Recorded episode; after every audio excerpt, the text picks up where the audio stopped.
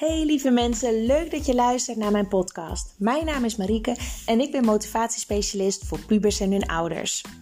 En ik heb een missie. Het is mijn missie om alle gezinnen met pubers meer positiviteit in de puberteit te laten ervaren.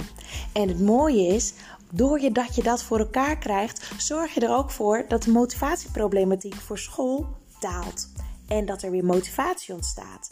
Want ik weet zeker dat het onnodig afstromen van niveau, dubleren en zakken voor het eindexamen onnodig is als je de motivatieproblematiek op tijd signaleert en aanpakt. Want een motivatieprobleem is een gevolg, geen oorzaak.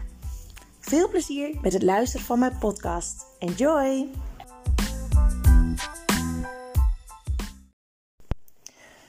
Zo, dit is de laatste podcast die ik in 2020 opneem. Uh, als deze online komt staan, is het 1 januari 2021. En ik neem hem nu dus op oudjaarsavond op. En nou ja, het vuurwerk is verboden, maar ik hoor overal knallen. Nou ja, dat kan je verwachten natuurlijk. Uh, ik had ook niet gedacht dat het helemaal, niet, helemaal geen vuurwerk zou, uh, zou zijn. Ik ben benieuwd hoe het straks om 12 uur is. Of het toch nog losgaat of dat het nou ja, hier een beetje bij blijft, hier en daar een knal. En ik wil van deze gelegenheid gebruik maken om een terugblik te werpen op 2020. En dan kan je denken, nou ja, wat is daar nou interessant aan? Ik denk dat het zeker wel interessant is, want ik heb ontzettend veel geleerd in 2020 ehm, als persoon, als moeder, maar ook als ehm, ja, ondernemer. En toen ik net begon met mijn, met mijn bedrijf, toen was ik gewoon algemeen pubercoach. En ik ben steeds meer gaan specialiseren. En dit jaar ben ik heel erg bewust geworden van ehm, wat ik wel en niet meer wil. Waar ik blij van word en wat mij te veel negatieve energie kost. En ja, waar ik dus niet zo blij van word. Dus er zijn een aantal dingen die ik in 2021 echt anders ga doen dan in 2020. En een van die dingen is onder andere ja zeggen tegen mezelf. En dus als het nodig is, nee zeggen tegen een ander. Uh, ik heb dit jaar, toen ik terugkeek naar, nou in mijn agenda kijk ik dan terug wat ik allemaal heb gedaan dit jaar. En uh, business-wise eigenlijk vooral. En toen heb ik, nou nee, dat is niet waar trouwens, ook op persoonlijk vlak. En toen viel me op dat ik helemaal in het begin van het jaar, de eerste helft van 2020, dat ik regelmatig ja had gezegd tegen een ander, waardoor ik nee zei tegen mezelf. En dat is eigenlijk, nou als ik nu terugdenk, toch wel please gedrag. Of als je net je bedrijf begint, dan wil je, of nou ja, net, ik had toen al wel eventjes mijn bedrijf, maar uh, wil je toch wel iedereen aannemen als klant. En dat doe ik dus niet meer. Ik ben nu veel selectiever op klanten die ik ga begeleiden. Eh, of waarvan ik zeg van nou, ik verwijs je door naar iemand die veel beter bij je past. En daardoor zeg ik ja tegen mezelf.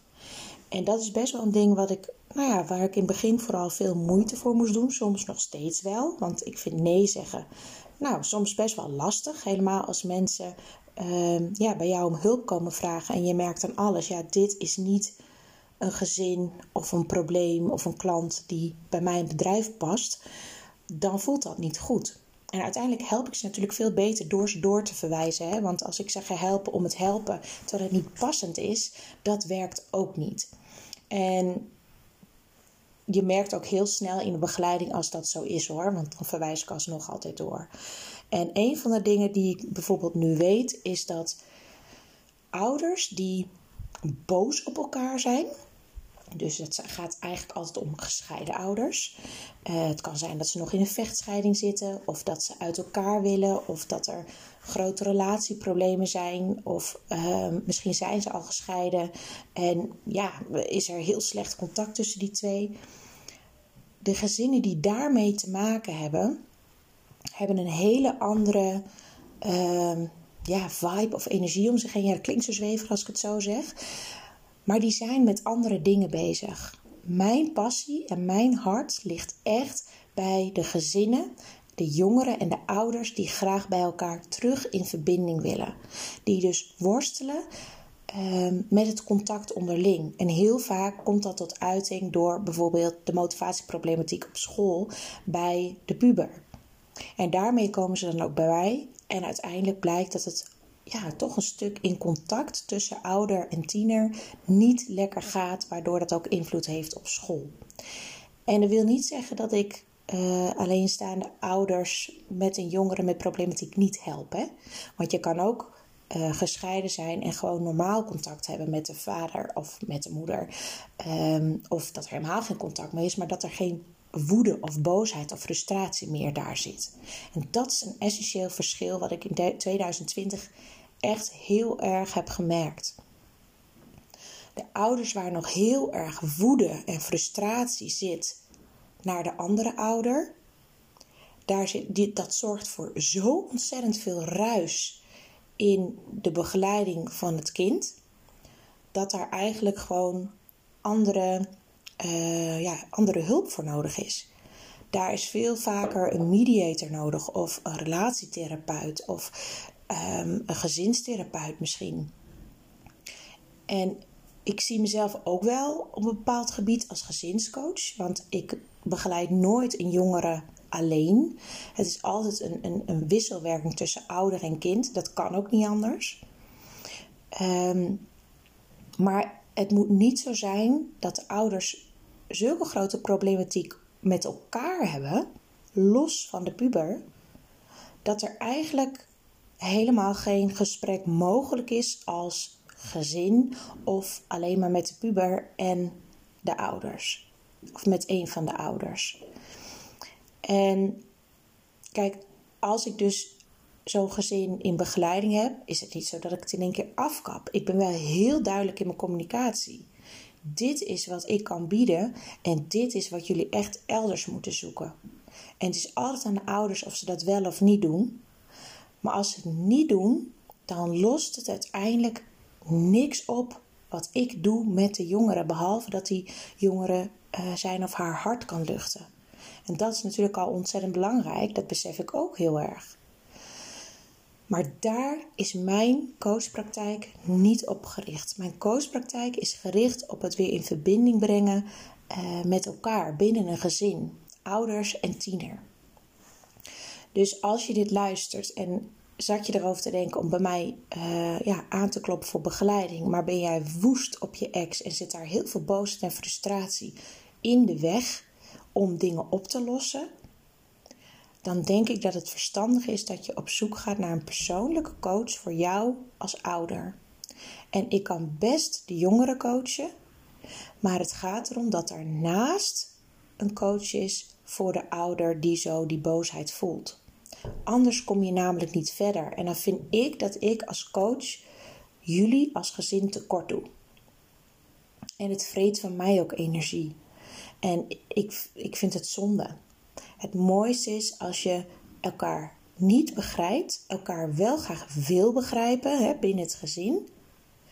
En daar speel ik dan een rol in. Ik begeleid jullie om elkaar weer beter te gaan begrijpen, elkaar te zien, te horen, serieus te nemen, te, uh, het inzicht te krijgen wat er nou eigenlijk misgaat in, de, in, de, uh, in het contact zeg maar, onderling. Dat zijn de allermooiste trajecten die ik dit jaar ook heb mogen doen. En daarnaast op scholen vind ik het ook fantastisch om in groepjes leerlingen te werken.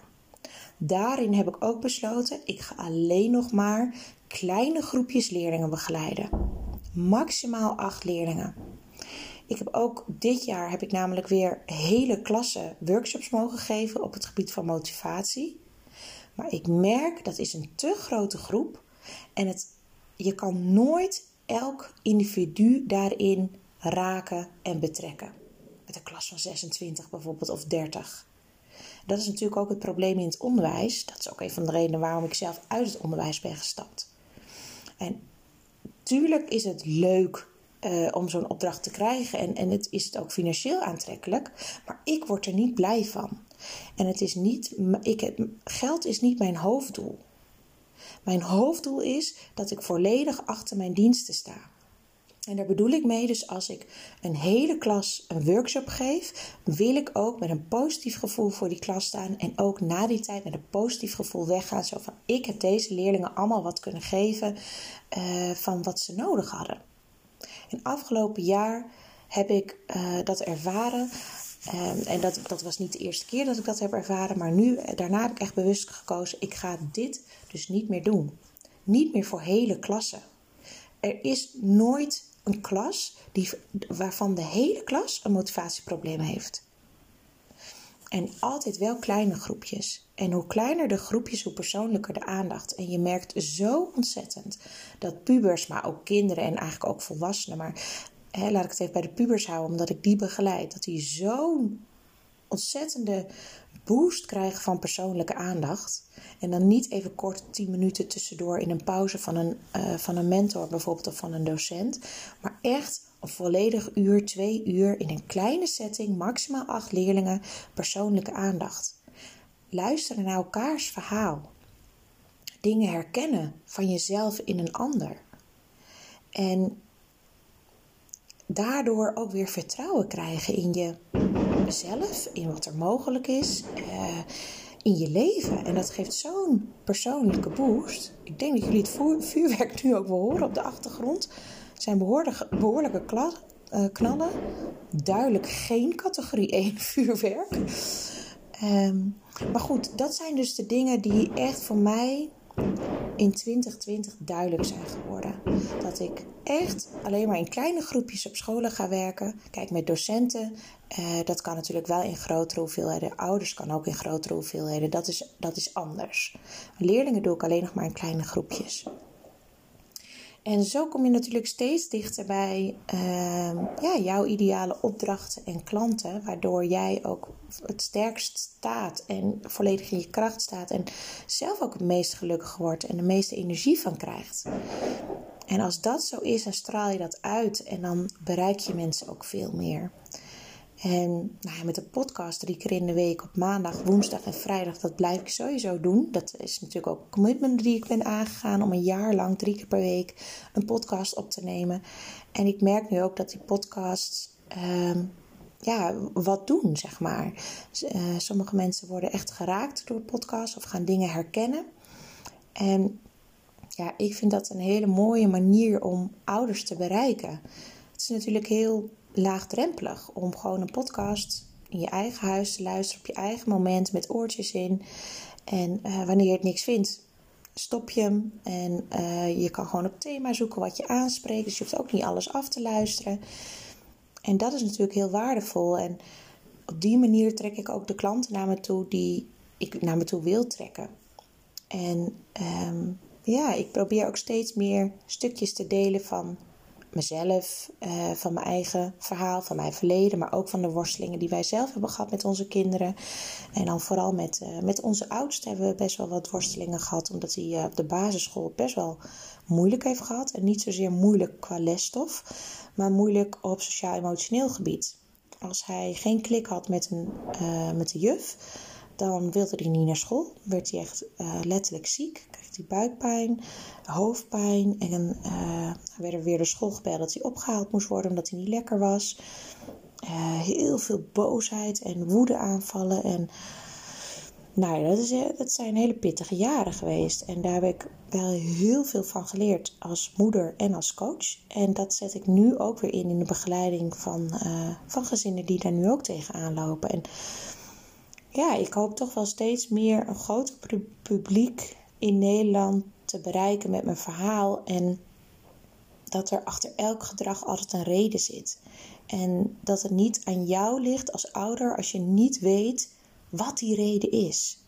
En je, doet, je kan zo je best doen om te gaan praten met je kind en erachter proberen te komen wat er nou aan de hand is, maar het niet voor elkaar te krijgen. En dat kan zo machteloosheid uh, veroorzaken en frustratie. Maar vergeet niet dat jij als ouder onderdeel bent van het gezin, onderdeel van de situatie. En je bent de ouder.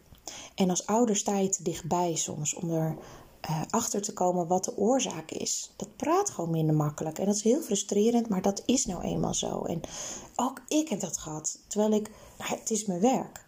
En dan nog kreeg ik het niet uit mijn eigen uh, kind. Dat, dus ik ken dat gevoel ook als ouder. Maar voel je daar alsjeblieft niet ongemakkelijk over of het idee dat je faalt als ouder helemaal niet.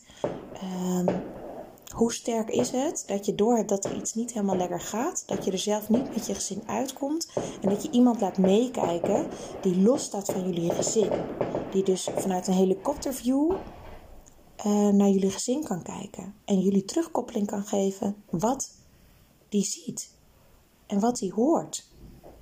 En dan soms vallen veel sneller kwartjes dan, dan dat je daar heel lang zelf aan door, mee doormoddert, zeg maar. Want hoe vaak ik dat wel niet heb gehoord, nou, ik probeer het nog wel even. Ik kijk het nog wel even aan. En dat is zo zonde, dat hoeft niet. Het hoeft namelijk helemaal niet ingewikkeld te zijn. Mijn coach-trajecten zijn niet voor niks in principe maar zes gesprekken. Daarna weet je wat er aan de hand is. Weet je wat jullie zelf als gezin anders kunnen doen. En ga je met elkaar aan de slag. En heb je mijn begeleiding niet meer nodig.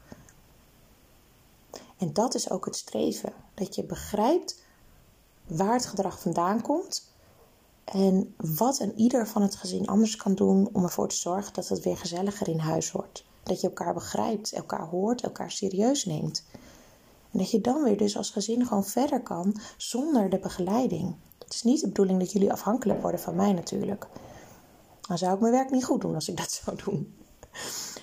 Oké, dus nou ja, mijn streven in 2021, ehm, of mijn streven, mijn doelen, uh, wat ik, waar, ik gewoon, ja, waar ik voor ga, is dat ik nog veel meer met scholen samen wil werken. Dus op scholen kleine groepjes leerlingen mogen begeleiden. Um, om gewoon met ze te praten. Waar loop je tegenaan? En dat ze dingen van elkaar gaan herkennen. En dat de school hun beter gaat begrijpen. En dat ze zichzelf beter gaan begrijpen. En ouderavonden uh, op de scholen, zodat veel ouders ja, tips en tools en inspiratie krijgen hoe ze met hun kind om kunnen gaan in de puberteit. Positief communiceren, hoe doe je dat? En hoe ga je om met, uh, met weerstand, uh, met boosheid, met grenzen stellen en loslaten en dergelijke. Dat ze veel meer ja, grip krijgen zeg maar, op de situatie. Uh, dat wil ik heel graag met scholen sowieso. Dat, dat vind ik gewoon ontzettend mooi werk. Ja, en daarnaast blijf ik natuurlijk doorgaan met mijn online programma Positiviteit in de Puberteit met ouders. En daarnaast met de individuele trajecten van de jongeren uh, en de ouders. En daar ligt wel echt mijn focus. En ik heb wel een plannetje nog voor 2021. Die deel ik nog niet, want ik wil eerst kijken of ik het echt, echt, echt ga doen. Uh, maar dat heb ik al een paar jaar, heb ik al uh, ja, dat idee. Dus misschien zijn jullie al een beetje nieuwsgierig, maar uh, ik zal tegen de tijd dat er wat meer duidelijkheid is, het zeker weer met jullie delen. Maar ik heb een aantal, nou ja, mooie ideeën waarmee ik denk en nou, eigenlijk wel zeker weet dat ik zoveel meer gezinnen nog kan helpen door heel Nederland. En dan via de scholen. Dus nog veel meer kennis verspreiden. Dat is eigenlijk wat ik in de podcast al doe, maar dan op een andere manier. Nou, nu ga ik niet verder verklappen, want ik ken mezelf. Voordat ik het weet, heb ik het alsnog gezegd.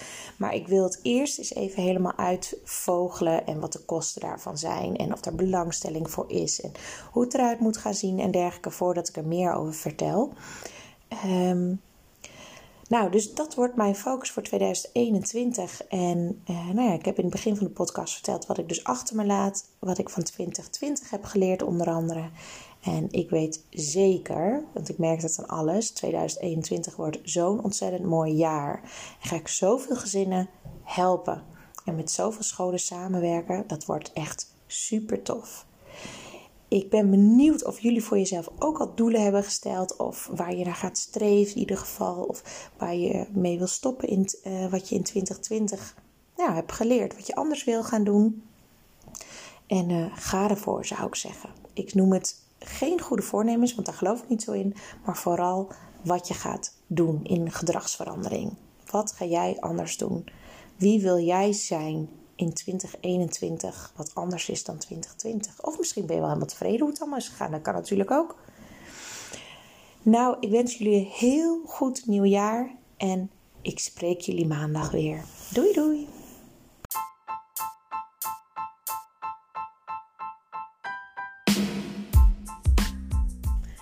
Dit was weer de aflevering van deze podcast. Ik hoop dat je het leuk hebt gevonden, dat je er veel informatie, tips en inspiratie uit hebt kunnen halen. Ik ben ontzettend benieuwd wat jij van deze podcast vond en wat je eruit hebt gehaald. Want ik neem ze op, maar ik wil heel graag weten hoe het is voor jou als luisteraar om dit allemaal te horen. Wil je mij dat laten weten via een persoonlijk berichtje? Dan vind ik dat hartstikke leuk. Wil je andere ouders motiveren, stimuleren? En inspireren met deze podcast, deel het dan op social media. En wil je mij contacten? Dat kan via www.coachpraktijkblijleven.nl. En wie weet spreken we elkaar snel. Fijne dag!